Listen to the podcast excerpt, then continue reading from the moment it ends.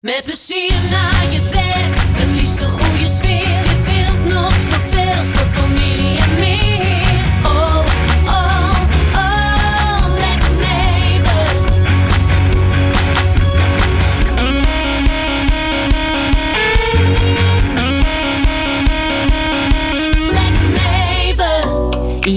daar zijn we weer. Een nieuw jaar en dus ook weer een nieuwe lekker leven. Ik ben Martine Howard en iedere keer ga ik in gesprek met BN'ers en experts om jou een portie inspiratie te geven voor een heerlijk en lekker leven. En deze keer hebben we weer twee prachtige vrouwen te gast. Straks spreken we namelijk zangeres Sita. We praten met haar over haar doorbraak, alweer 20 jaar geleden. Wat dat allemaal met haar deed, de grote mijlpalen en hoe ze verder haar hart volgde en haar carrière.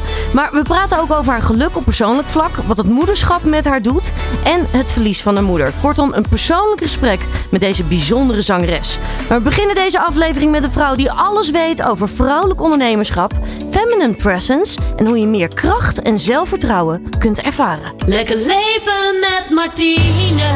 Zet de radio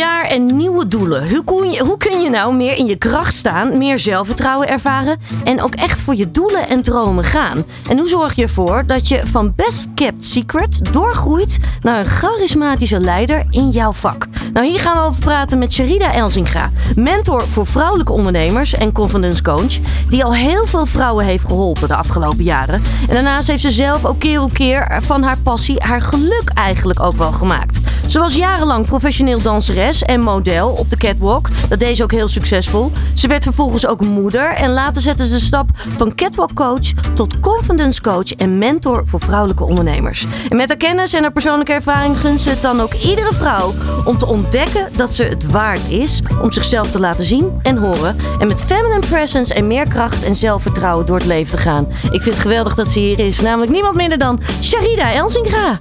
Nou, Martine, wat een introductie. Ik krijg helemaal rode wangen van. Ja, dat is toch fijn, lieverd? Heerlijk. Ja, take it all in.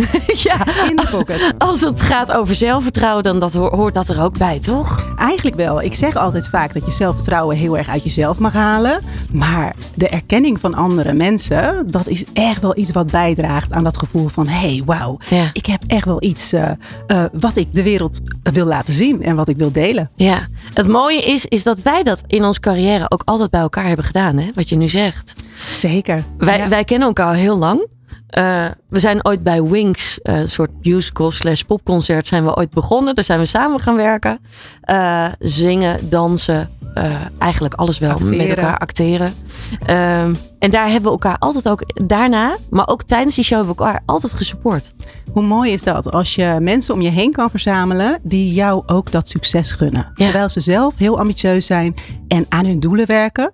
Maar dat kan naast elkaar, hè? Dat Ja. je iemand anders ook gewoon gunt. En dat is heel fijn om zulke mensen om je heen te hebben. Ja, voordat we het gaan hebben hè, over zelfvertrouwen en meer in je kracht staan. Ik zei het zojuist al in de introductie. Je bent jarenlang professioneel danseres geweest. Je was daarnaast ook eh, catwalk model. Eh, je, je werd moeder. Je hebt iedere keer eigenlijk nieuwe stappen gezet. En toen heb je eigenlijk op, opnieuw eigenlijk ook wel jezelf weer ook, nou ja, ook wel weer gevonden hè, met een nieuwe passie.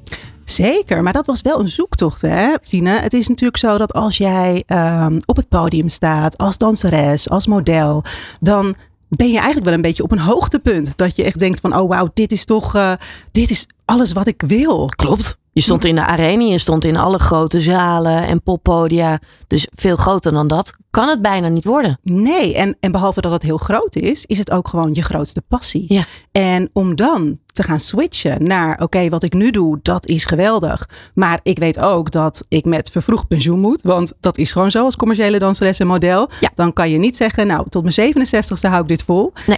En dan eh, mag je opnieuw op zoek naar jezelf eigenlijk. Want voor mij is het wel...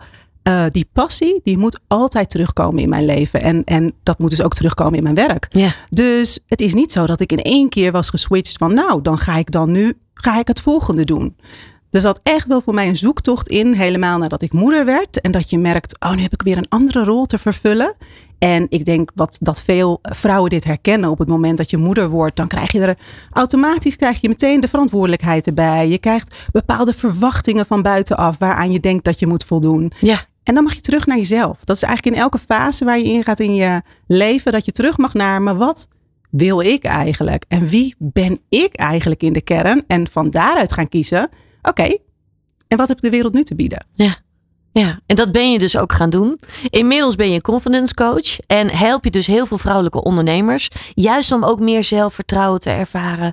Uh, maar eigenlijk help je op allerlei verschillende vlakken ook wel tijdens dat ondernemen ook wel. Hè? Je bent echt een soort mentor. Ja, precies. Het is eigenlijk, uh, um, ja, ik help dus ondernemende vrouwen. Vrouwen die uh, voor zichzelf hebben gekozen om van, nou, hè, ik ga een business beginnen. Mm -hmm. En dat klinkt allemaal heel erg leuk, maar er komen natuurlijk allemaal dingen bij kijken. Heel veel angst ook vaak en twijfels en onzekerheden. Heel veel angst, twijfels en het niet weten. Ja. En dat weet je van tevoren niet, hè? Dat kom je gaandeweg, kom je dat tegen. En dan denk je, oh, er zijn nog dingen uh, die ik niet kan, die ik niet weet. En ben ik dan wel goed genoeg? Ja. Dus er zit echt een stukje in van: oké, hoe kan ik strategisch een onderneming opzetten? Maar hoe kan ik van: oké, okay, nu weet ik hoe ik dat moet doen. -hmm. Hoe ga je jezelf dan op dat podium plaatsen? Ja. Hoe ga je het dan ook echt jezelf in die spotlight zetten, zodat de mensen je kunnen vinden? Ja. Begint het dan eigenlijk met, zoals je het zelf ook hebt gedaan, eerst weer even ontdekken: waar sta ik voor? Wie ben ik? Absoluut. Dat is altijd het begin van, uh, van het mentorship. Hm. Dan ga je heel erg kijken naar, oké, okay, wie ben ik eigenlijk? En hoe wil ik het eigenlijk? En hoe wil ik mijn business inrichten? Het is misschien het tegenovergestelde wat je vaak ziet bij business coaches. Die zijn heel erg strategisch gericht en die zeggen, joh, wat wil de markt? Hm. En daar ga je op inspelen. Ja. En ik zeg altijd, nee, wat wil jij? Want als jij in de basis jouw fundament gaat leggen uh, naar wat jouw vuurtje doet oplaaien, dan zal je het ook veel langer volhouden. En dan Ja. wordt het ook leuker en makkelijker voor je. Is het ook En authentieker, toch? Veel authentieker. Ja. En, en ik ben er echt van overtuigd dat als je vanuit die authenticiteit eh, jezelf gaat presenteren, want dat ga je doen als ondernemer, dan komt het ook binnen bij mensen. En dan gaan de juiste mensen op jou aan. En in plaats van dat je iets gaat verkopen omdat, nou, dat is eh, nu de trend. Of hè, daar zitten heel veel mensen op te wachten. Ga je kijken, oké, maar wat kan ik vanuit mijn talenten, vanuit mijn kwaliteiten, wat heb ik al in me? En wat vind ik heel leuk om te doen? En waar ben ik ook nog eens goed, eh, goed in? En waar zijn mensen bereid voor om te betalen? Dat Ja. ga je samenbrengen. Ja, ja, maar het begint eerst bij die kern, echt bij jezelf. Nou is het natuurlijk heel vaak zo, dan, dan hebben we op een gegeven moment, weten we wat we willen gaan doen. Dan hebben we die doelen. Maar het vervolgens dan nog gaan doen, dat is eventjes wat anders. Want heel vaak denken we, ja, ik ga doen. En met je andere voet loop je eigenlijk al op de rem te trappen. Dat je denkt, oh nee, oh, dan moet ik in één keer moet ik gaan vertellen wat ik ga doen. Oh, dat vertellen durf ik niet. Of eh, dat posten, hè, dat, dat, dat iets delen op social media. Oh nee, dat vind ik echt doodseng. Vaak zijn we dan bijna een soort in gevecht met onszelf. We willen het wel, maar we doen het niet. Ja, precies. Dat is het. We hebben mooie doelen en we hebben mooie dromen. En ik denk dat eh, de grootste handrem die je hebt, is dat je het idee hebt dat je het niet kan waarmaken. En dat zorgt ervoor dat je dan dus op die rem trapt. En nou, ik kan je zeggen, als jij, eh, nou, ik kom nu uit Bergen hier naar Hilversum gereden. Als ik dat had gedaan met mijn voet half op de rem, nou, Ja. dan was ik er voorlopig nog niet gekomen. Duurt even. Duurt even, ja. Ja, Wa- wat kun je doen? Hè? Want dan ervaar je dat bij jezelf. Waar kun je dan beginnen? Wat, wat, wat is dan handig om te doen? Nou, het eerste is dat je gaat kijken of het doel wat je jezelf hebt gesteld, of dat dus ook echt komt uit een verlangen wat je hebt. Hm. Want als je een doel hebt gesteld omdat je denkt dat dat van je verwacht wordt of dat het zo hoort, dan is het heel lastig om de motivatie te vinden ook om daarop af te gaan. En als jij dus inderdaad eerst begint bij, maar wat wil ik eigenlijk? En waarom wil ik dit? Waarom is dit belangrijk voor mij? En waarom is dit ook belangrijk voor andere mensen? En als je daarna teruggaat, dan merk je, oké, ik heb dus een doel voor mezelf gezet. Het is misschien eh, een stretch voor mezelf, maar ik weet waar ik het voor doe. Dus ik ga kijken welke stappen ik kan nemen om daar langzaam te komen. En ik denk dat dat ook wel een hele goede is, dat je ehm, soms is je doel zo groot Ja. dat het je overweldigt. En dat je denkt, oh, maar hoe kom ik daar in godsnaam? Nou, ik kan je vertellen, als ik nu, wat ik net zei, van Bergen naar Hilversum was gereden zonder navigatiesysteem, dan, dan was het iets lastiger geweest. Maar als jij weet welke route je kan nemen, dan wordt het alweer wat makkelijker. Ja, ja. Kun je ons meenemen met die route? Hè? Want dat, dat is het natuurlijk eigenlijk ook. Hè? Dat je een beetje een soort. Nou, misschien is houvast niet het juiste woord. Maar dat je inderdaad wel die soort route hebt. Van hé, hey, welke route kan ik eigenlijk een beetje begaan, zeg maar. Ik denk dat de route voor iedereen heel verschillend is. Ik werk daarom ook echt eh, op maat eigenlijk. Mhm. eh, de trajecten die ik doe. Omdat ik denk dat die heel erg ligt aan de persoon die jij bent. Eh, er zijn mensen die eh, het heel fijn vinden om heel snel te gaan. Er zijn mensen die zeggen van nou, eh, eerst eventjes mijn eh, teen in het water en dan ga ik. Dus er is eigenlijk niet een, een bepaalde route die je kan bewandelen om bij je doel te komen. Het zijn de kleine stappen opgeteld bij elkaar die zorgen dat je daar komt. Ja, ja, dat is het ook. Hè? Dit komt wel vaker terug in, in dit programma. Juist die kleine stapjes, die zijn zo waardevol. Ja, En we denken vaak meteen zo groot, maar daardoor leggen we ook zoveel druk op onszelf. ja. Terwijl Ja. het vaak juist in die kleine stapjes zit. Het zit vaak in de kleine stapjes, echt. Ja, ja. Als we dan willen kijken hè, en, en willen werken aan ons zelfvertrouwen, juist om weer zo'n stap te gaan zetten. Hè. Je wilt juist met meer kracht wil je gaan ondernemen. Wat, wat, wat zou je mensen dan mee willen geven? Waar, waar, waar zou je kunnen beginnen om juist meer zelfvertrouwen te ervaren? Het is eigenlijk een hele lastige stap. Want eh, als je het hebt over zelfvertrouwen, dan heb je het eigenlijk over het vertrouwen in je eigen kunnen, in Ja. je eigen kunde. En ehm, daar ligt nog iets onder. Dan moet je eigenlijk iets dieper gaan en dan ga je terug naar als jij zelfvertrouwen kan voelen vanuit eigenwaarde, dan kom je ergens. En die eigenwaarde die zit een laagje dieper, want dat is eigenlijk je geloof in jezelf. Hm. Eh, je geloof in wat er voor je mogelijk is.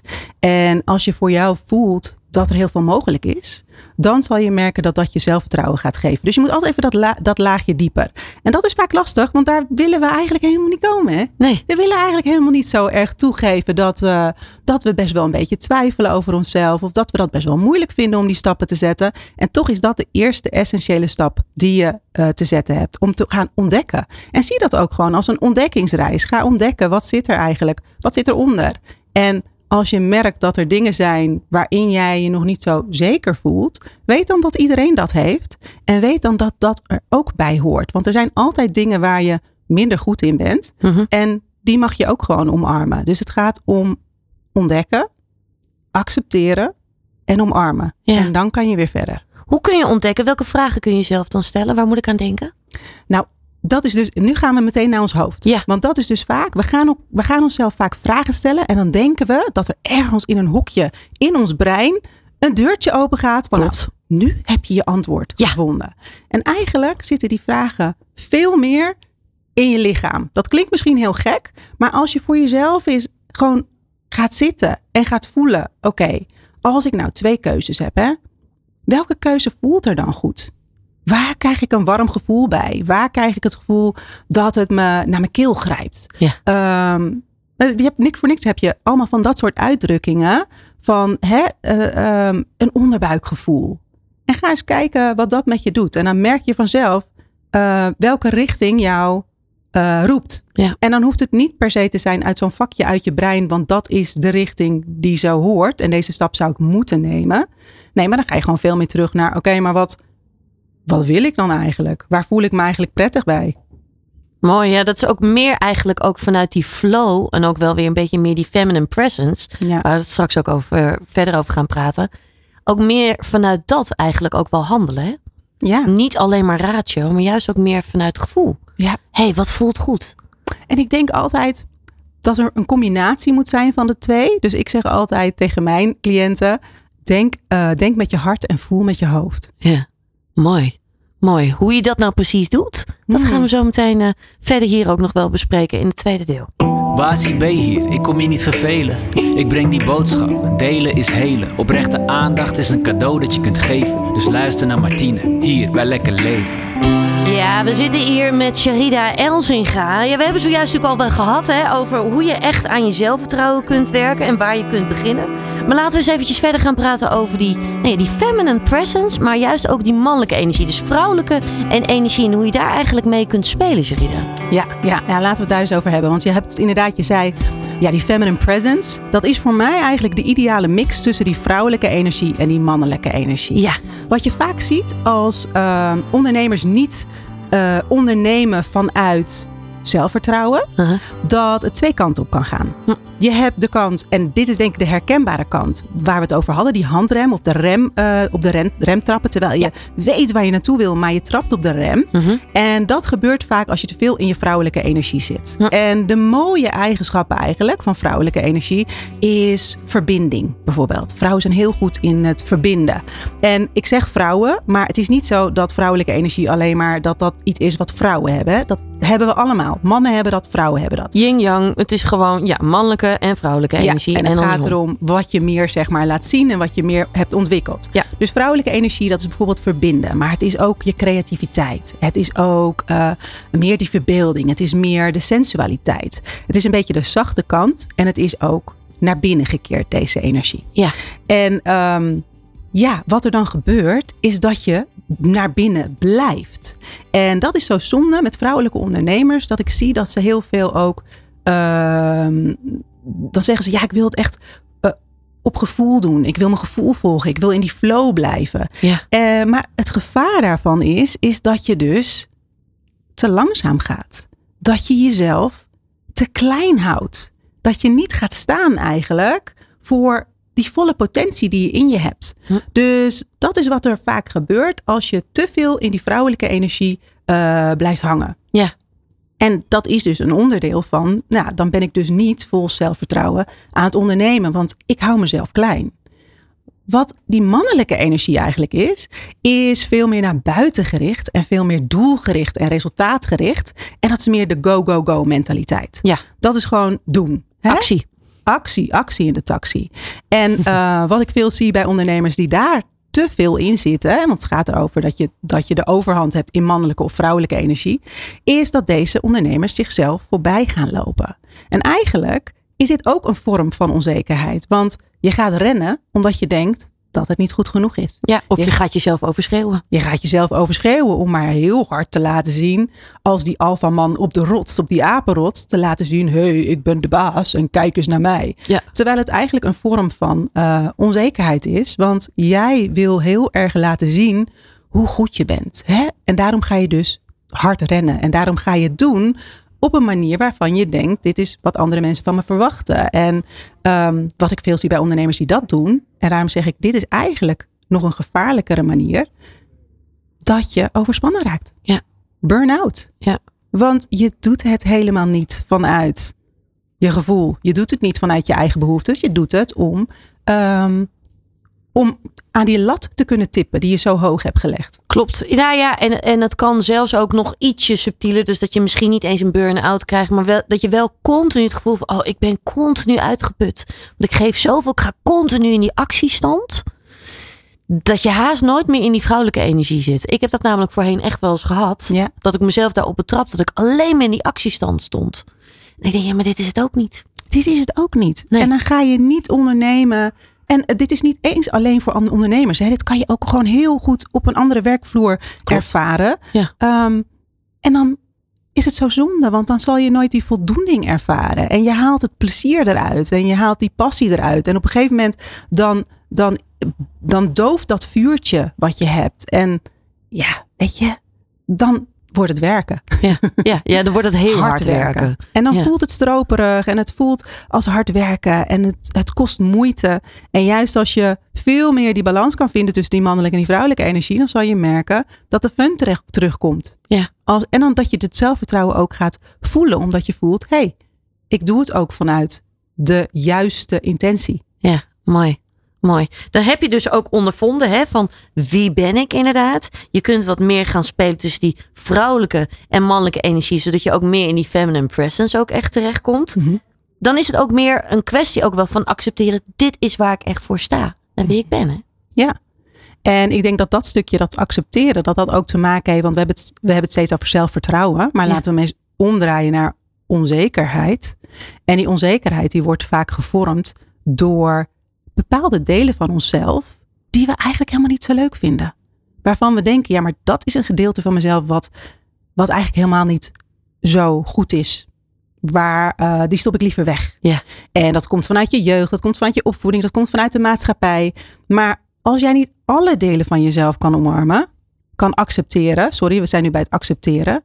Dan wordt het heel lastig, want dan kan je dus nooit authentiek jezelf zijn. Nee. Want dat is ook onderdeel van je. En juist om je minder onzeker te voelen, om meer dat zelfvertrouwen te voelen, mag je gewoon zeggen: hé, hey, maar die delen zijn er ook gewoon. Die hoef ik niet weg te drukken. Want hey, die komen gewoon oppoppen hè, op de meest onverwachte momenten. En Klopt. dan voel je je onzeker, want die wil je eigenlijk niet laten zien. Dus laat die er ook zijn. En dat bedoel ik met accepteer dat stukje ook. Ja. Ja. Iedereen heeft talenten, kwaliteiten, maar iedereen heeft ook dingen die die minder vindt aan zichzelf. En vaak in die mindere kanten zitten heel veel goede eigenschappen die andere mensen heel goed aan jou vinden. Of die jou juist helpen om verder te gaan in je onderneming. Ja, of die jou juist heel authentiek maken. Die andere mensen super leuk vinden. Die, dat je jezelf super irritant vindt. Maar dat andere mensen dat juist heel erg leuk aan jou vinden. En het jou, dat maakt jou jou. Ja, ja, klopt. Vanuit accepteren is dan ook wel echt omarmen. Hè? Als je dat niet doet. Ik zeg altijd, als je met zelfvertrouwen onderneemt, dan heb je zo'n energie over je en dan heb je zo'n charisma over je. Als jij blij bent met jezelf en je kan dat uitstralen, dan zullen andere mensen daarop aangaan. En ehm, nou, nou ben ik de draad kwijt. Wat vroeg je nou?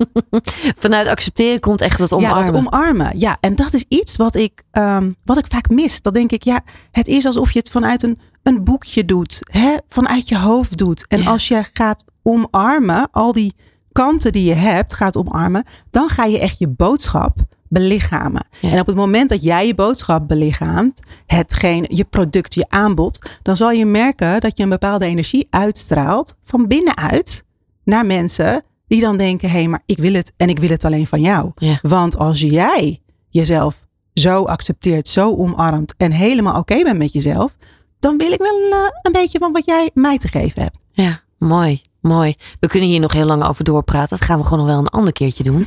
Eh, maar ik vind het mooi hoe je het zegt. En ik heb dat zelf ook zo ervaren. Iedere keer weer in mijn eh, carrière. Dat als ik meer omarm wie ik ben. Is accepteer, maar dus daarna ook eh, nou ja, het echt ook omarm. Dan gaan mensen daar ook automatisch meer op aan. Dat is altijd het grappige, zeg maar. Dan gaat mijn omgeving daar ook altijd weer makkelijker met me mee. Dan lijkt er ook minder weerstand te zijn. Dan kom je veel meer in die flow terecht. Mooi hè? Het mooie is dat ik dat ook iedere keer weer bij jou terugzie. Dus ehm, ga zo lekker door. Mensen kunnen altijd jou ook weer eh, terugvinden natuurlijk op Instagram. Ja, Esrida Elsinga. Ja, daar deel jij ook eigenlijk dagelijks heel veel mooie tips. Precies. En eh, volgens mij gaan we nog heel veel moois ook weer van jou zien, Asja. Zeker. Ik eh, wil jij enorm bedanken. Jij bedankt Martine. Dankjewel en heel graag tot de volgende keer.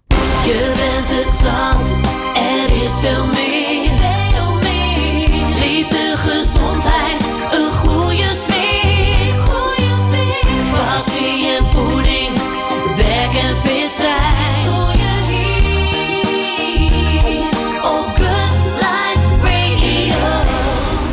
Zometeen hebben we zangeres Sita te gast. En met haar praten we over haar carrière en hoe ze van haar passie haar werk gemaakt heeft. En ook over het moederschap en hoe ze om is gegaan met het verlies van haar moeder.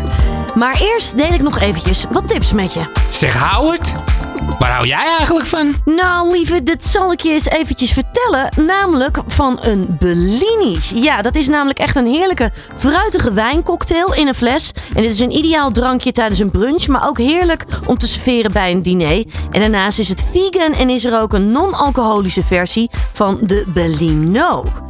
En eh, ja, je hoort natuurlijk al dit heerlijke geluid. In de aankomende Lekker Leven afleveringen gaan we dan ook proosten met Bellini en onze gasten vragen wat een ultieme genietmoment is.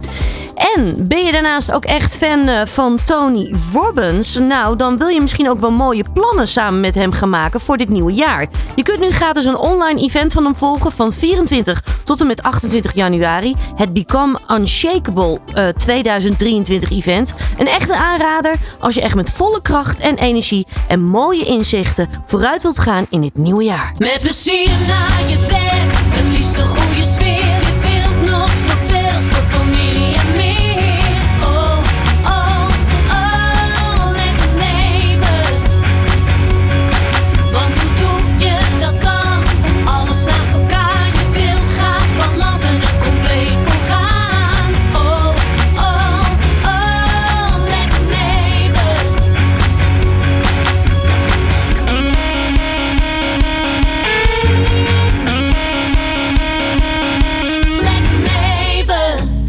volgende vrouw kennen we allemaal sinds Starmaker begin 2000. En daarna natuurlijk ook Chaotic. En daarna kwamen er heel veel soloplaten zoals Happy en ook het prachtige duet met Marco Borsato. Lopen op het water. Inmiddels zijn we al zo 20 jaar verder en heeft ze heel veel musicalproducties eh, gespeeld. En is ze daarnaast ook moeder geworden. Ik vind het dan ook echt te gek dat deze prachtige vrouw hier aanwezig is. Ik heb het over Sita Vermeulen, oftewel Sita. Sita, van harte Oh, welkom. Dankjewel. Wat een fijne aankondiging. Fijn, eh, fijn dat je hier bent. Vind ik ook. Ehm, de eerste vraag eigenlijk die, ik wel meteen aan je wil stellen is... wat is voor jou een lekker leven? Ja, lekker leven is gewoon een balans tussen, tussen vrije tijd en eh, werk, wat je leuk vindt. En nou heb ik wel de mazzel dat ik werk doe, wat ik echt heel erg leuk vind. Ehm, en gewoon leuke dingen doen met vrienden. En vooral ook jezelf een beetje in de gaten houden. Hè? Met als het, het is gewoon een, een druk leven eh, die iedereen leidt, denk ik. Een drukke tijd.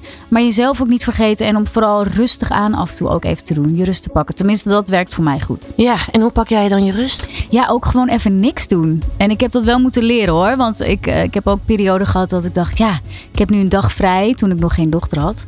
En ik doe eigenlijk nu helemaal niks. Maar ik moet dat nog doen en ik moet nog schoonmaken. Ik moet nog weet ik veel wat.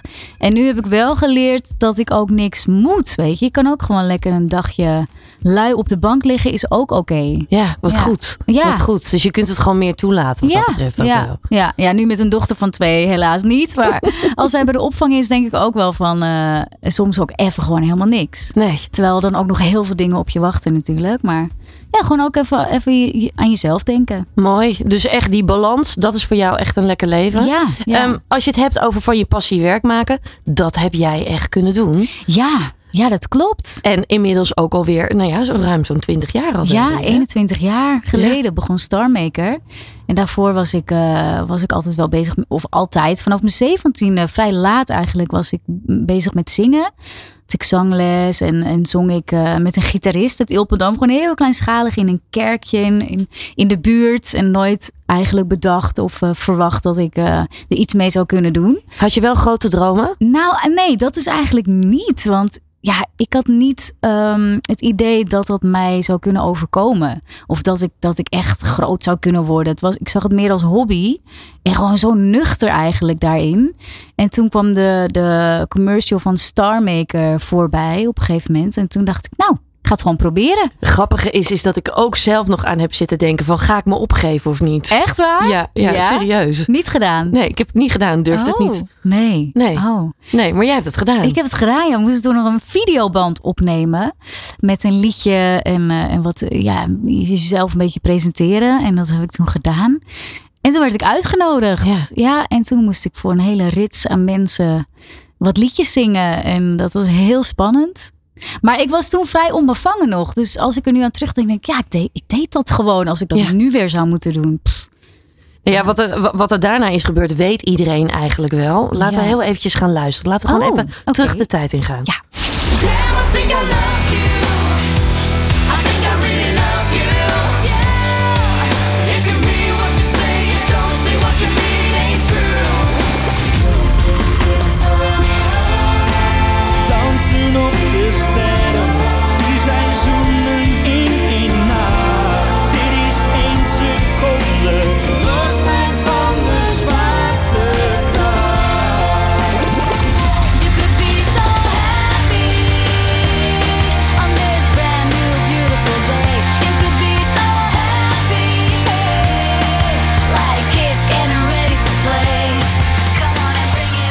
En er zijn natuurlijk nog heel veel andere hits. Maar dit is natuurlijk wel echt, nou ja, zo is het wel allemaal begonnen bij jou. Ja, De ene klopt. hit naar de andere hit eigenlijk in die tijd. Ja, ja, in een vrij korte periode Ja, eigenlijk. ja. het is allemaal heel snel gegaan. Klopt. Als je daar nu naar terugkijkt, hè, want eh, het begon met Starmaker. Ja. Eh, toen zat je heel snel natuurlijk in Chaotic, maar toen ging je ook heel snel al solo. Ja. Dat ging eigenlijk bijna tegelijkertijd Ja, zowat. klopt. Ehm er komt er heel veel op je af. ja, Knetterveel. knetterveel. Hoe ga je daarmee om? Want je zei het al, je ging heel onbevangen in. Ja, ja, en dat is denk ik. eh, mijn redding klinkt zo, eh, zo heftig, maar misschien wel geweest. Ja? Ja, dat ik eh, er gewoon lekker hè, uit een nuchter dorp kwam en met beide benen op de grond bleef en werd gehouden ook vooral. En, en ik denk omdat we ook met z'n zevenen waren en we hadden echt wel een goed managementteam achter ons. En ik weet nog wel dat als er iets gebeurde waarin hè, Martijn kwam veel te laat of Stefan had, ik weet niet precies, maar daar werden we wel kort gehouden van, hé, dat doen we niet, hè? ja, Geen, ja. eh, Geen sterrenallures Nee, precies, precies. Dus dat, eh, dat hebben we ook wel meegekregen dat dat niet, eh, ja, dat het niet chic is of zo. Dus ja, ik weet niet. En voor de rest, ja, je, je- gaat wel een trein op en die stopt niet meer. Dus ik heb later wel eens gedacht, stel dat ik nou nooit had meegedaan aan Star Maker, wat had ik dan gedaan en hoe zag mijn leven eruit? Ja, dat weet je dus niet, want ik bedoel, mijn leven is, is in één klap natuurlijk veranderd doordat je ineens bekend bent. Klopt. En dat is gek. Overal waar je komt, word je herkend. En eh, mensen die, eh, die vinden iets van je. En die, die denken dat ze je kennen. Weet je? Dus dat is, eh, ja, daar, daar moet je mee leren leven. En dat klinkt ook heel zwaar. Maar dat, ja, volgens mij gaat dat me wel oké af. Omdat ik, ook omdat ik wel, ja, ik heb nooit nare ervaringen of iets met fans meegemaakt. Gelukkig maar.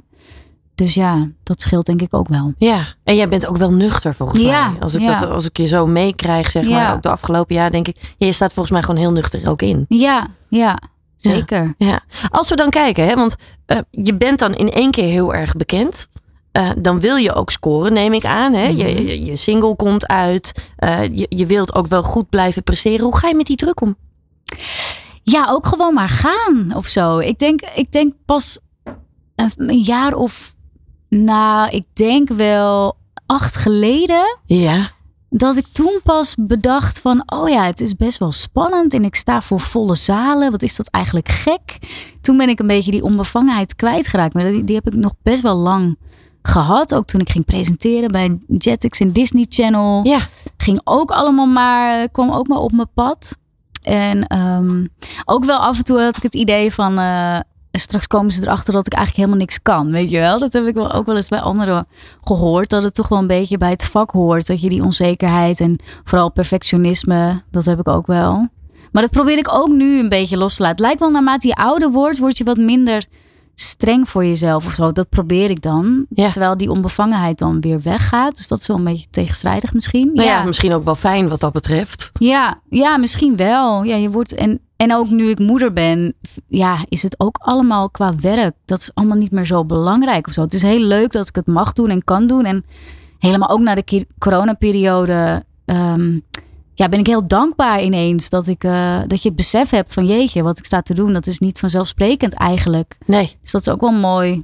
De goede kant, zeg maar, eraan. Eh, Dat, we, ja, dat je gewoon bewust bent van, eh, van wat je mag doen eigenlijk. Wat zou je nu jonge talenten mee willen geven? Want jij bent wat dat betreft jong doorgebroken. Ja. Wat is belangrijk, zeg maar, als je door wilt breken überhaupt?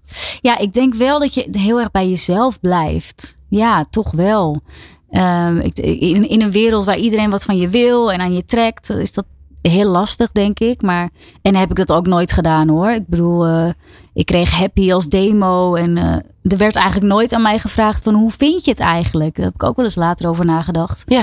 Maar bijvoorbeeld Rachel, ik weet van Rachel, van Bart, van Kiltik, dat zij echt die droom hadden eh, van, van een, een bekend zangeres worden en zanger en doorbreken in het buitenland. En ja, op een gegeven moment mocht ik dat allemaal doen en bleef ik daar nuchter in, terwijl zij zoiets zeiden van wat? Weet je, en ik miste hun ook. Op een gegeven moment werd ik uit de groep gehaald om solo te gaan. Ik mocht Ja. een album opnemen in Zweden en met Tom Jones heb ik op het podium gestaan en allemaal gekke dingen meegemaakt. En eigenlijk bleef ik zo van, ja, wel leuk, weet je? Ik denk, hoe dan? Hoe dan inderdaad? Ja, maar goed, ja, ik weet niet. Ja, dat is een beetje wie ik ben, denk ik. Ja, toch? Ja. Ja.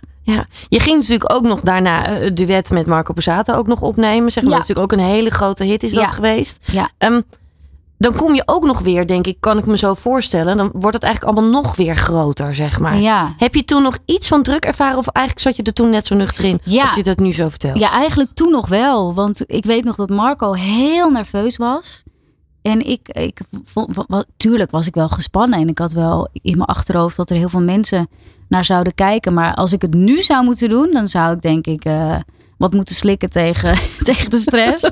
Toen dacht ik, oh ja, leuk, leuk. Ja, ik, ik weet niet, ik zat, ik zat er zo in. Ja. Het, het werd groter en groter, alleen in mijn hoofd niet of zo. Ik vond het allemaal wel echt te gek om mee te maken. Maar ehm, hoe zeg je dat? Ik werd er niet door. eh, ik verdronk er niet in of zo. Snap je dan wat ik Ja, bedoel? ja. Ja. maar ik weet niet. Prettig eigenlijk wel, hè? Ja, eigenlijk Ja, wel. dat is wel Toch? heel toen, fijn. Toen de tijd vooral. Ja. nu, Ja. nu kan ik wel eens denken van, hé, waar maak je niet zo druk? Of eh, als ik een première heb van iets wat ik al nu tien jaar doe, bijvoorbeeld zo'n zo'n sprookjesmusical, dan kan ik ook nog denken van, oh, waarom doe ik dit? Ik vind het helemaal niet leuk. En dan probeer ik het niet groot te maken en mezelf niet zo serieus te nemen. Maar ja, naarmate ik ouder word, vind ik dat wel eh, soms wel spannender of zo, gek genoeg. Ja. niet. Eh, Laten we even doorspoelen, hè? Want Ja. we kennen je natuurlijk allemaal daarvan. Maar daarna ben je natuurlijk ook heel veel musicalproducties gaan doen. Ja, Daar ja. hebben wij elkaar ook wel eh, tegengekomen. Daar hadden we zojuist over. Dus Ja. Daar kwamen we elkaar ook wel tegen. Bij audities en dergelijke. Waarom ben je daarvoor gaan kiezen? Wat, wat, wat, wat vind je daar zo mooi aan? aan Nou, dat vak? Ik presenteer op een gegeven moment ook ehm, kinderprogramma's bij Disney Channel en Jetix toen nog. Eh, ik was daar een keer te gast bij de ochtendshow. En toen vroegen ze of ik wat vaker wilde langskomen. En van het een kwam het ander. En dus die, die kids vond ik toen al wel echt heel leuk om daarmee dingen te doen. Ja. En eh, ik weet nog dat ik aan het schaatsen was met mijn toenmalige manager. Gewoon om eens te praten over van wat wil je nog? Hoe gaat het nu? En toen had hij het idee eh, kindermusicals, of dat me iets leek. En toen in eerste instantie dacht ik, nee, musicals, dat is allemaal zo overdreven en zo groot. En dat ben ik helemaal niet. Maar toen bedacht ik me, ja, voor kindjes is het misschien wel weer heel leuk. Dus toen is hij een rondje gaan bellen. En toen kwam hij bij Van Hoorn Entertainment terecht. En toen kon ik meteen in eh, Klein Duimpje de musical eh, spelen. Met Geert Hoes als Klein Duimpje. En ik was Ja. prinses Annabel. dat, dat was mijn allereerste musical. En ik ben nooit meer weggegaan. Dat is nog steeds waar ik eh, veel voor, voor doe. Voor Van Hoorn Entertainment. En ik ga vanaf december met Kikker op tour. Kikker is verliefd. Dus Kijk. voor de hele kleine kindjes. Ja. En, en wat vind je zo leuk aan, aan juist dat kinderpubliek? Want het is wel een hele andere manier weer van optreden. Ja, ja ik, ik hou van kinderen. Ja, ik weet niet. Ik vind dat gewoon heel prettig. Ze zijn heel eerlijk, Heel puur. heel puur. Als ze ni- niks vinden, dan, dan hè, merk je dat ook. En ehm, ik weet niet, ik vind het gewoon heerlijk om ook misschien om mezelf weer eventjes zo kind te voelen. En eh, ik had het helemaal mee in zo'n zo'n voorstelling, zo'n dagje in het theater, zo'n kindermusical spelen. Ja, dan, dat is voor mij ook echt een uitje. Ja, Ik vind het heerlijk om te doen. ja weg van de, van de zware wereld en van hè, alle dingen die je moet. En helemaal nu ik een dochter heb, vind ik het, nu ik hè, veel bij haar ben, wat ook fantastisch is natuurlijk, is het nu af en toe ook echt wel een uitje dat ik eventjes weer tijd voor mezelf heb en dan eh, hè, kan werken. Dat vind ik wel echt heel lekker. Want is het nu nog anders geworden nu je juist moeder bent? Dus dat je anders op dat podium staat? Ja, ja wat ik, wel wat relaxter op de een of andere manier. En ik weet niet waar het dan aan ligt. Ehm, ja, misschien omdat het het allerbelangrijkste wat ik heb. En ja, dat, dat zit thuis. Dat is mijn dochter. Ja, mooi. En dan, ja, dan maakt de rest allemaal niet meer zo heel veel uit. nee, zo. dus, dus het werkt relativerend misschien Ja. ook wel. Ja, dat denk ik wel. Dat Ja, wel prettig is. ja. Ja. Mooi. Als we dan kijken, hè, ook daarnaast, hè, Lekker Leven gaat natuurlijk ook over gezondheid. Hoe bereid jij je voor voor producties? Wat, wat, wat doe je dan allemaal? Ja, wel veel sporten. Het is wel een zaak dat je, of tenminste, je maakt het jezelf makkelijker door fit te blijven en te zijn. Want die shows zijn zwaar. Mhm. Ehm, dus ik sport drie keer, probeer drie keer in de week, maar meestal wordt dat twee. En dat is dan gewoon in zo'n groepslesje, zo'n functionles heet het dan eh, in Purmerend, waar ik dan op de sportschool zit. Lekker buiten, een soort bootcamp-achtige les. Dus dat. En gewoon wel echt goed voor je lichaam zorgen. Ook door gezond te eten. Nou ben ik echt niet zo'n hashtag fit girl. Absoluut niet. Maar ja, ook weer balans, denk ik. Weet je, als ik een dagje lekker biertjes heb gedronken, dan eh, denk ik wel, oh ja, de volgende dag ook met de leeftijd hè, voel je dat wel aan. Van oeh, ik moet wel even weer een paar dagen herstellen of zo. Waar je vroeger gewoon nog nachten doorhaalde. Ja, dat zit er echt niet meer in. Nee. Dus ik doe dat soort avondjes wel echt wel veel minder. En als ik dat doe, dan ja, moet ik daar wel echt, echt van bijkomen. Ja, nou, nou weet ik ook wel uit ervaring dat musicalproducties, dat is echt niet zo makkelijk. Hè? Dat is ook wel hard werken, intensief. Eh, wat weten mensen niet van het vak? Nou ja, ik, ik denk dat ze er niet over nadenken. Maar wat af en toe, je hebt soms ook echt wel je dag niet. Dan sta je op en dan wil je eigenlijk alleen maar huilen. Want je zit niet lekker in je vel. Of hè, dat heb je wel eens. Tenminste, ik heb dat wel eens. Ja. En dan moet je wel die knop vinden en omzetten. En in, in de auto stappen. En, eh, en de mensen blij gaan maken. Terwijl je zelf eigenlijk niet blij bent. En nou gebeurt dat niet zo heel vaak. Maar ja, soms heb ik dat ook wel. Tuurlijk. En dan gaat die knop wel om, weet je, zodra je dan die mensen hoort en die kindjes voelt en hoort in de zaal. Ehm, alleen is dat wel zwaar. Dan is dat zwaarder dan Hè, je staat op en je denkt, lekker dagje en we gaan ervoor. Dus dat, zit, het zit, is, ja, dat is wel het zware eraan. Ja. Hoe, hoe doe je dat dan? Hoe zet je die knop om? Is dat gewoon doen? Of, of heb je Ja. dan nog bepaalde rituelen? Of hoe moet ik dat voor Nee, nou ja, ik denk dat eh, je collega's, tenminste, ik heb wel de mazzel gehad dat, ik, dat alle producties fijn waren qua collega's. Ehm, die helpen je daar dan ook wel doorheen. Die, die Ja. voelen dan wel aan van, oh, die zit even niet lekker in de vel. Of daar praat je dan over. Dus, ehm, dat is heel menselijk. Dus daar zijn we altijd wel open over. En dan eh, kan je even je ei kwijt bijvoorbeeld. En we hebben altijd... eh, we komen altijd in het theater, dan bouwen we de merchandise stand op. En we doen heel veel dingen zelf, ook make-up en alles. Dus ja, dan ben je lekker even met elkaar. We lunchen altijd dan samen. En dan eh, zit je in de kleedkamer lekker je eigen make-up te doen. Dus dat is een heel ritueel wat dan elke keer hetzelfde is. En dan, ja, dan kom je er vanzelf wel in of zo. Ik, denk, ik heb niet echt een knop dat ik denk van, oh, het gaat, dat gaat wel vanzelf. Ja, zo eigenlijk Ja. een soort opbouw. Eigenlijk Ja, naar dat ja. podium toe, zeg maar, naar de show toe. Ja, maar ik denk wel dat als je, als je je dag even niet hebt en dat dus, hè, daar, waar we het over hebben, dat, je, dat ik dan s'avonds in de auto zit, onderweg terug naar huis, wel helemaal gebroken ben. Want dan heb je het wel eventjes van, eh, vanuit je tenen moeten halen, zeg maar. Hoe Ja. zeg je dat? Ja. Ja, ja, ja, Ja. dat toch eigenlijk wel. Ja, ja, Ja. Dus ja. Dan gaan we zo meteen in het tweede deel gaan we verder praten. Eh, je zei het al, hè? eh, je dochter, daar word je heel erg gelukkig van. Ja, wat dat betreft. Dat stukje rust, wat, waar, waar word jij nog meer echt heel gelukkig van? Van goed slapen. Dat zit er de laatste tijd niet echt eh, veel meer in. Maar volgens mij ook wel muziek nog steeds, toch? Ja, zeker. Ja. Laten we gaan luisteren naar muziek en dan komen we zo meteen terug. Basie B hier, ik kom je niet vervelen. Ik breng die boodschap, delen is helen. Oprechte aandacht is een cadeau dat je kunt geven. Dus luister naar Martine, hier bij Lekker Leven. Ja, je luistert nog steeds naar eh, Lekker Leven. Hier te gast is eh Sita. Sita, we hebben zojuist natuurlijk eigenlijk al wel besproken hoe het allemaal begonnen is. En waar je nu staat ook in je carrière. Ja. Eh, maar je bent natuurlijk ook moeder geworden. Ja. Inmiddels zo'n twee jaar, hè? Ja, ruim twee jaar. Ja, Ja. ja. prachtig meisje. Heel lief meisje, heel leuk meisje. Ja, Ik dat, ben heel trots en Ja. verliefd en Ja. alles. kun je vertellen wat het moederschap met jou heeft gedaan tot nu toe? Ja, ehm, ja, het heeft me heel gelukkig gemaakt. Het heeft me rust gebracht, ook wel, gek genoeg. Ehm, ja, ik weet niet. Ik ben, ik ben eh, wel helemaal zen of zo. Ja, ik ben heel gelukkig. Ja, En we, zijn, we doen het met z'n drieën ook wel, wel goed. Tuurlijk hebben we mindere momenten als ze slecht slaapt. Dus even op fases dat ze, dat ze even wat minder slaapt, zoals elk kindje. Dus het hoort er ook wel bij. En cliché, alles is een fase. Dat is ook echt waar. En dat is goed om, om te bedenken. Maar nee, ja, ze is, ze is heel open en eh, een heerlijk, vrolijk meisje. en neem ons eens mee. Wat is echt een geluksmomentje wat je, wat je met haar wel echt kan hebben, zeg maar? Ja, ze gaat nu praten en echt al hele volzinnen. Dus dat is bizar hoe snel dat gaat. We kwamen laatst in de, in de, in de, in de, in de karwei, in de bouwmarkt. Ik weet niet of ik dat mag zeggen, maakt ook niks uit. Maakt er niet uit. En, eh, en toen zei ze, hey, kerstbomen. Terwijl ik het nog helemaal niet over kerst heb gehad. En het wordt de eerste kerst dat ze het een beetje meemaakt. Dus dat soort dingen. Ze kan heel, eh, heel, ja, heel slim uit de hoek komen. En, eh, ja, en geluksmomentjes, die zijn er eigenlijk de hele dag door. Als ze, als ze naar me kijkt of me vastpakt of me een handje geeft. Of, ik weet niet, het, het kan heel, het klinkt allemaal heel zoetsappig, maar hele simpele dingen. Dat, daar maakt mijn hart al een sprongetje van. Ja, ik zag laatst een filmpje voor jou, eh, voorbij komen bij jou op social media. Dat ze helemaal blij was omdat je eraan kwam. Ja, ja nou dat, dat, vond ik echt dingen. fantastisch. Toen had ik een dag gewerkt en, eh, en mijn vriend was, was aan het filmen. Mama, helemaal blij en door het dolle. En dat doet ze dus ook als mijn vriend thuis komt van een dag werken.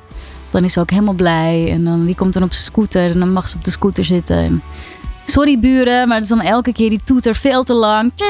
Tot die echt een beetje valsig wordt, weet je wel. Maar goed, eh, nee, ja, ze, is, is- ja, ze maakt ons, ons vermoeid soms ook. Maar ook heel gelukkig en blij. Ja, wat goed, wat goed. Ja, als we het hebben over jouw moederschap, dan komen we natuurlijk eigenlijk ook wel bij jouw eigen moeder een beetje Ja. ook wel uit. Ja, Want die is helaas overleden. ja. Nog niet zo heel erg lang geleden. Nee, nee, twee jaar geleden ook. Vlak eh, voordat ik zelf moeder werd, Ja. overleed zij aan Alzheimer. Ja. Ja, en dat, eh, dat hakt er wel in natuurlijk. ja, dat kan ik me heel goed voorstellen. Ook, eh, ja, je weet dat het eraan zit te komen, want ze had al ehm, acht jaar de diagnose. Daarvoor hadden we ook wel door dat er iets niet helemaal goed zat. En ehm, ja, uiteindelijk in een verzorgingstehuis terechtgekomen. En eh, ja, heeft de ziekte haar wel helemaal helemaal kapot gemaakt, zeg maar. Ze wist ook niet meer wie wij waren. En ze was echt wel, wel de weg kwijt. Maar ze bleef, en dat, dat, daar, dat vind ik heel fijn. Ze bleef gewoon lief en knuffelig. En terwijl, ja, om ons heen, ook wel in het verzorgingstehuis, waren ook veel ouderen die dat niet hadden. En heel erg verbitterd en naar en agressief werden. Klopt. Dat heeft zij gelukkig nooit gehad. Maar ja, het is, het is bizar en onmenselijk om je moeder zo eigenlijk al, hè, dat ze er lijfelijk nog is, maar zo te verliezen. En ja, dat ze je niet meer herkent. Dat is gewoon iets, iets bizars. Ja, je bent eigenlijk al een soort van afscheid aan het Ja. nemen terwijl ze nog leeft. Hè? Ja, klopt. Maar je, dat heb, je hebt het eigenlijk ook nooit echt kunnen doen. Want wanneer doe je dat? Klopt. Je gaat niet zitten van, nou mam, eh, het wordt nu wel tijd. We gaan nu even afscheid nemen. Want over twee maanden herken je me misschien niet meer. Dus dat is nooit gebeurd eigenlijk. Nee. Dus dat gaat dan dan heel geleidelijk of zo. En ehm, ja, Waar haalde jij kracht uit? Want ik bedoel, je werk gaat door, je leven gaat Ja. door. Maar hoe ga je daarmee om? Ja, door wel met haar mee te gaan in, in haar wereldje. Dus en ze, gelukkig bleef ze blij en vrolijk. Dus wij, wij stonden ook gewoon te dansen met haar eh, tussen, tussen de andere bewoners. En ehm, ja, we, we bleven eigenlijk ook wel lol hebben met haar, gek genoeg. En Mooi ook. ja, Ja. En mijn broer en zus hebben, ja, we hebben elkaar gewoon wel echt geholpen. Ook met het eh, een plekje geven. En ja, hoe doe je dat? Maar dat gebeurt wel of zo. En, en je moet er voor je vader natuurlijk ook gewoon zijn. En je, je groot houden. En, ehm, dus je gaat gewoon, ja, je gaat mee in dat hele proces. En ergens ook wel het beste ervan maken, als ik het een beetje zo Ja, hoor. ja, toch wel. Ja. Ook, voor haar. is. Want ik bedoel, zij had het echt wel in de gaten als je verdrietig was. Weet je hoe, eh, hoe ver heen ze ook was, maar dat voelde ze wel aan. Ja. Dus dat was wel, eh, wel heel bijzonder. Ja. Maar goed, ze heeft nooit geweten dat ik een dochter kreeg. En ik weet nog dat ik een, haar hand op mijn buik legde. En het echt wilde duidelijk maken dat, het, dat ik in verwachting was. Maar dat, eh, dat is dan wel echt heel heftig dat dat niet binnenkomt. Dat, Ja, ze- Dat kan ik me heel goed voorstellen. Dat is, dat is gewoon heel pijnlijk, lijkt ja, me dat. ja, dat is heel pijnlijk. Ja. En uiteindelijk was het wel, eh, ja, was het gek genoeg ook echt een verlossing, ook voor haar. Want ze was, we hadden corona gehad allemaal daar en ze was heel erg afgevallen en eh, er was niks meer van over eigenlijk. Dus, ehm, maar goed, het lukt wel om haar te herinneren zoals ze was voor de ziekte, gelukkig. Wat goed. Ja, ja misschien heb ik mezelf dat ook een soort van opgelegd, maar dat lukt ook wel echt. Ook omdat dat mam niet was, hoe ze er uiteindelijk bij liep natuurlijk. En mijn broer die zei ook heel mooi van, eh, want ik vond het zo heftig dat ze elkaar net hadden gemist. Maar mijn broer die zei heel mooi, en dat is me altijd bijgebleven. Ja, maar wil je dan een foto met hè, je dochter, met je moeder, die je moeder eigenlijk niet meer is? Ja. Toen dacht ik, nee, dat, dat wil ik eigenlijk ook niet. Dat Nou, voelt heeft ook niet wel een fijn. punt. Ja, Ja. dus nu kan ik, laat ik foto's zien. Want dat is oma Agnes. En dat weet ze nu ook. Dus ik heb, ik heb er ook altijd bij op mijn telefoonhoesje. Mooi. Ja, en dat is eh, hoe ze was. En zo blijft ze in mijn herinnering. Ja, en zo neem je haar overal mee. Je Ja. hebt er ook een, eh, een prachtig nummer. Heb je ook uitgebracht, hè, Ja, vorig jaar. ja, Laten we even gaan luisteren. Yes. Hou je vast,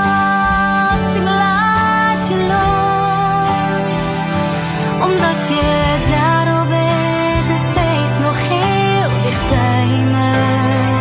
Hou je vast, omdat ik niet aan een leven wennen kan. Mijn engel, mooie lieve man, zonder jou. Mooi. Ja. Bijzonder nummer dit. Ja, ik ben er ook heel blij mee en trots op. En het is iets eh, ja, wat blijvend is. Een soort eerbetoon. En in de clip heb ik ook beelden laten terugkomen van haar. Dus het is mooi dat... eh, Eh, Was dat nog wel heel moeilijk ook voor je? Of was het juist fijn om iets te kunnen doen? Ook voor haar ja, ja heel, dat tweede eigenlijk. Ik heb ook wel tijdens het inzingen momenten gehad dat ik brak. En vooral tijdens die clip monteren ik allemaal, wilde ik allemaal graag zelf doen. Dus ik heb er echt uren met iMovie lopen stuntelen. En uiteindelijk ben ik heel blij met hoe het is geworden. Maar dat, ja, dat waren wel echt eh, heftige uurtjes. Ja. Ja. Maar ook heel mooi. Het gaf ook wel voldoening. En eh, en troost of zo om dat te kunnen doen. Ja, want dat kan ik me, als ik in ieder geval uit eigen ervaring spreek. Mijn moeder is dan wat langer geleden overleden. Dat is Hmm. inmiddels 12 jaar. Ehm, maar ik merk dat hoe pijnlijk het ook is, het ook heel fijn is om er soms weer even mee bezig te zijn. Ja, Omdat ja. het ook een stukje liefde is eigenlijk, wat je er dan weer in stopt, zeg maar. ja precies. En, en ja, er gewoon dan ook weer met haar bezig zijn is ook fijn ergens. ja, ja, ja, dat herken ik wel. Ja. Ja. En het blijft, het zal altijd blijven. Dus het is ook iets wat niet, volgens mij niet overgaat. Maar ja, je, je leeft ermee. Want je bent nu twee jaar verder. Ga je er nu weer heel anders mee om als aan het begin? Merk, merk je verschil? Nou, nog niet echt. Ik, ehm, ik denk ook omdat wij al acht jaar, zeg maar, aan het idee konden wennen. Mhm. En helemaal de laatste jaren dat ze zo slecht werd. Ehm, dus ik, ik heb ook wel vrede dat ze, dat ze nu, zeg maar. Ja, dat, dat de rest haar bespaard is gebleven. Nou was dat al niet meer veel. Maar.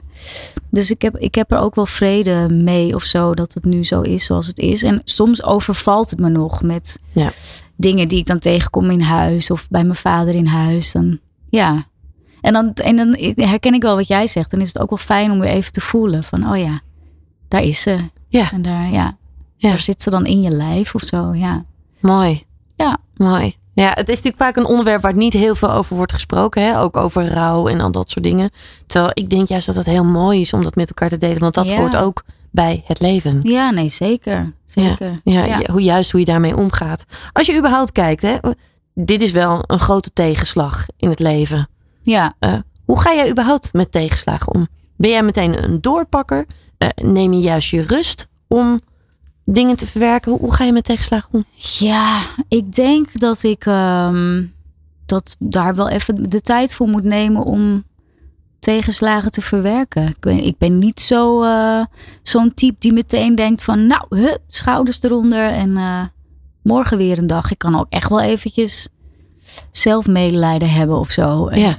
Even ook echt eh, een periode hebben dat ik even minder in mijn vel zit. Ja, en het helpt om dan te denken van dat, dat mag ook. Weet je, dat is dan mijn manier om, om dat te doen of zo. Ja, dus eigenlijk gewoon heel liefdevol voor jezelf te Ja. zijn. Van hé, hey, dit is oké. Lukt ook niet altijd hoor, want als ik dan mensen zie, ik weet niet, ik kan hier even een voorbeeld eh, bedenken, die dat op een andere manier doen misschien, of die heel stevig of echt ambitie hebben van en daar volledig voor gaan, dan kan ik ook wel eens jaloers zijn. Ik denk, oh, dat heb ik helemaal niet en moet ik dat ook niet hebben? Weet je wel? Daar worstel ik soms nog steeds wel mee.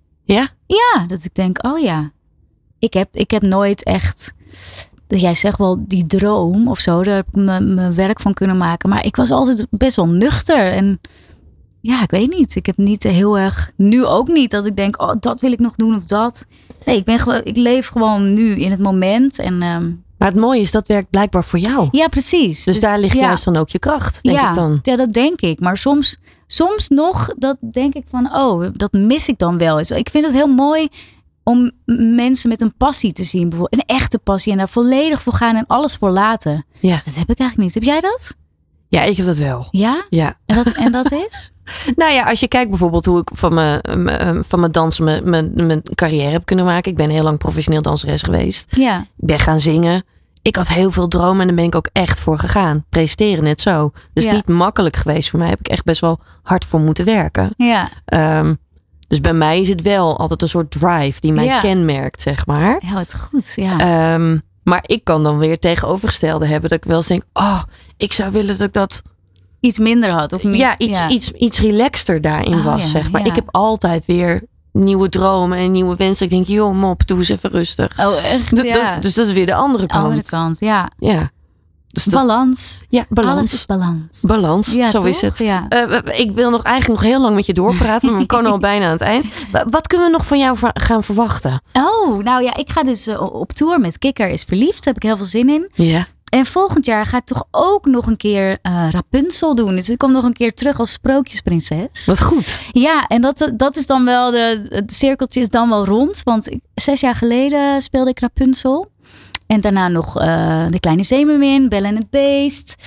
En nu denk ik, ja, het wordt wel, toch wel tijd om dan misschien weer iets anders te gaan doen. Ehm, Of andere rollen misschien te gaan spelen, maar niet meer het sprookje. Maar goed, dat, een paar jaar geleden riep ik dat ook. En toen ben ik alsnog bellen en beest gaan doen. Dus ik, ik zeg nooit nooit en ik sluit het niet af. Maar voor nu denk ik van, oh ja, Rapunzel is wel een mooie prinsessenafsluiter voor mij. En echt weer muziek uitbrengen? Dat soort ja, dingen? nou ja, het, het kriebelt wel weer een beetje om, eh, om te gaan zingen. Ik moet zeggen dat ik, eh, dat ik benieuwd ben hoe, of ik het plezier weer een beetje eh, kan, kan vinden in het muziek maken. Want dat heb ik jaren niet gedaan. En ik heb het voor mijn gevoel ook niet heel erg gemist. Al denk ik wel. En was ik laatst weer een keer met Jaap van de 3J's. Was vroeger bijvoorbeeld Ja. mijn gitarist. Ja. Weer bij 3FM om happy te zingen. En dan denk ik, oh, dat is toch eigenlijk super leuk om te doen. Dus, eh, dus wie weet. Ik, ik eh, ben wel een beetje aan het denken om gewoon weer voor de fun weer eens te gaan zingen en muziek te gaan maken. Ja, waarom niet? Ja, zo. Ja. Maar ook niet echt directe plannen, maar gewoon een beetje, een beetje zingen weer. Ja. Ja. Nou, ik ben heel benieuwd wat we allemaal van jou kunnen verwachten. Sita, ik wil je heel erg bedanken voor het delen van je verhaal. Nou, graag gedaan. Jij En- bedankt. Heel veel succes met alles. Dankjewel. Lekker leven met Martine, zet de radio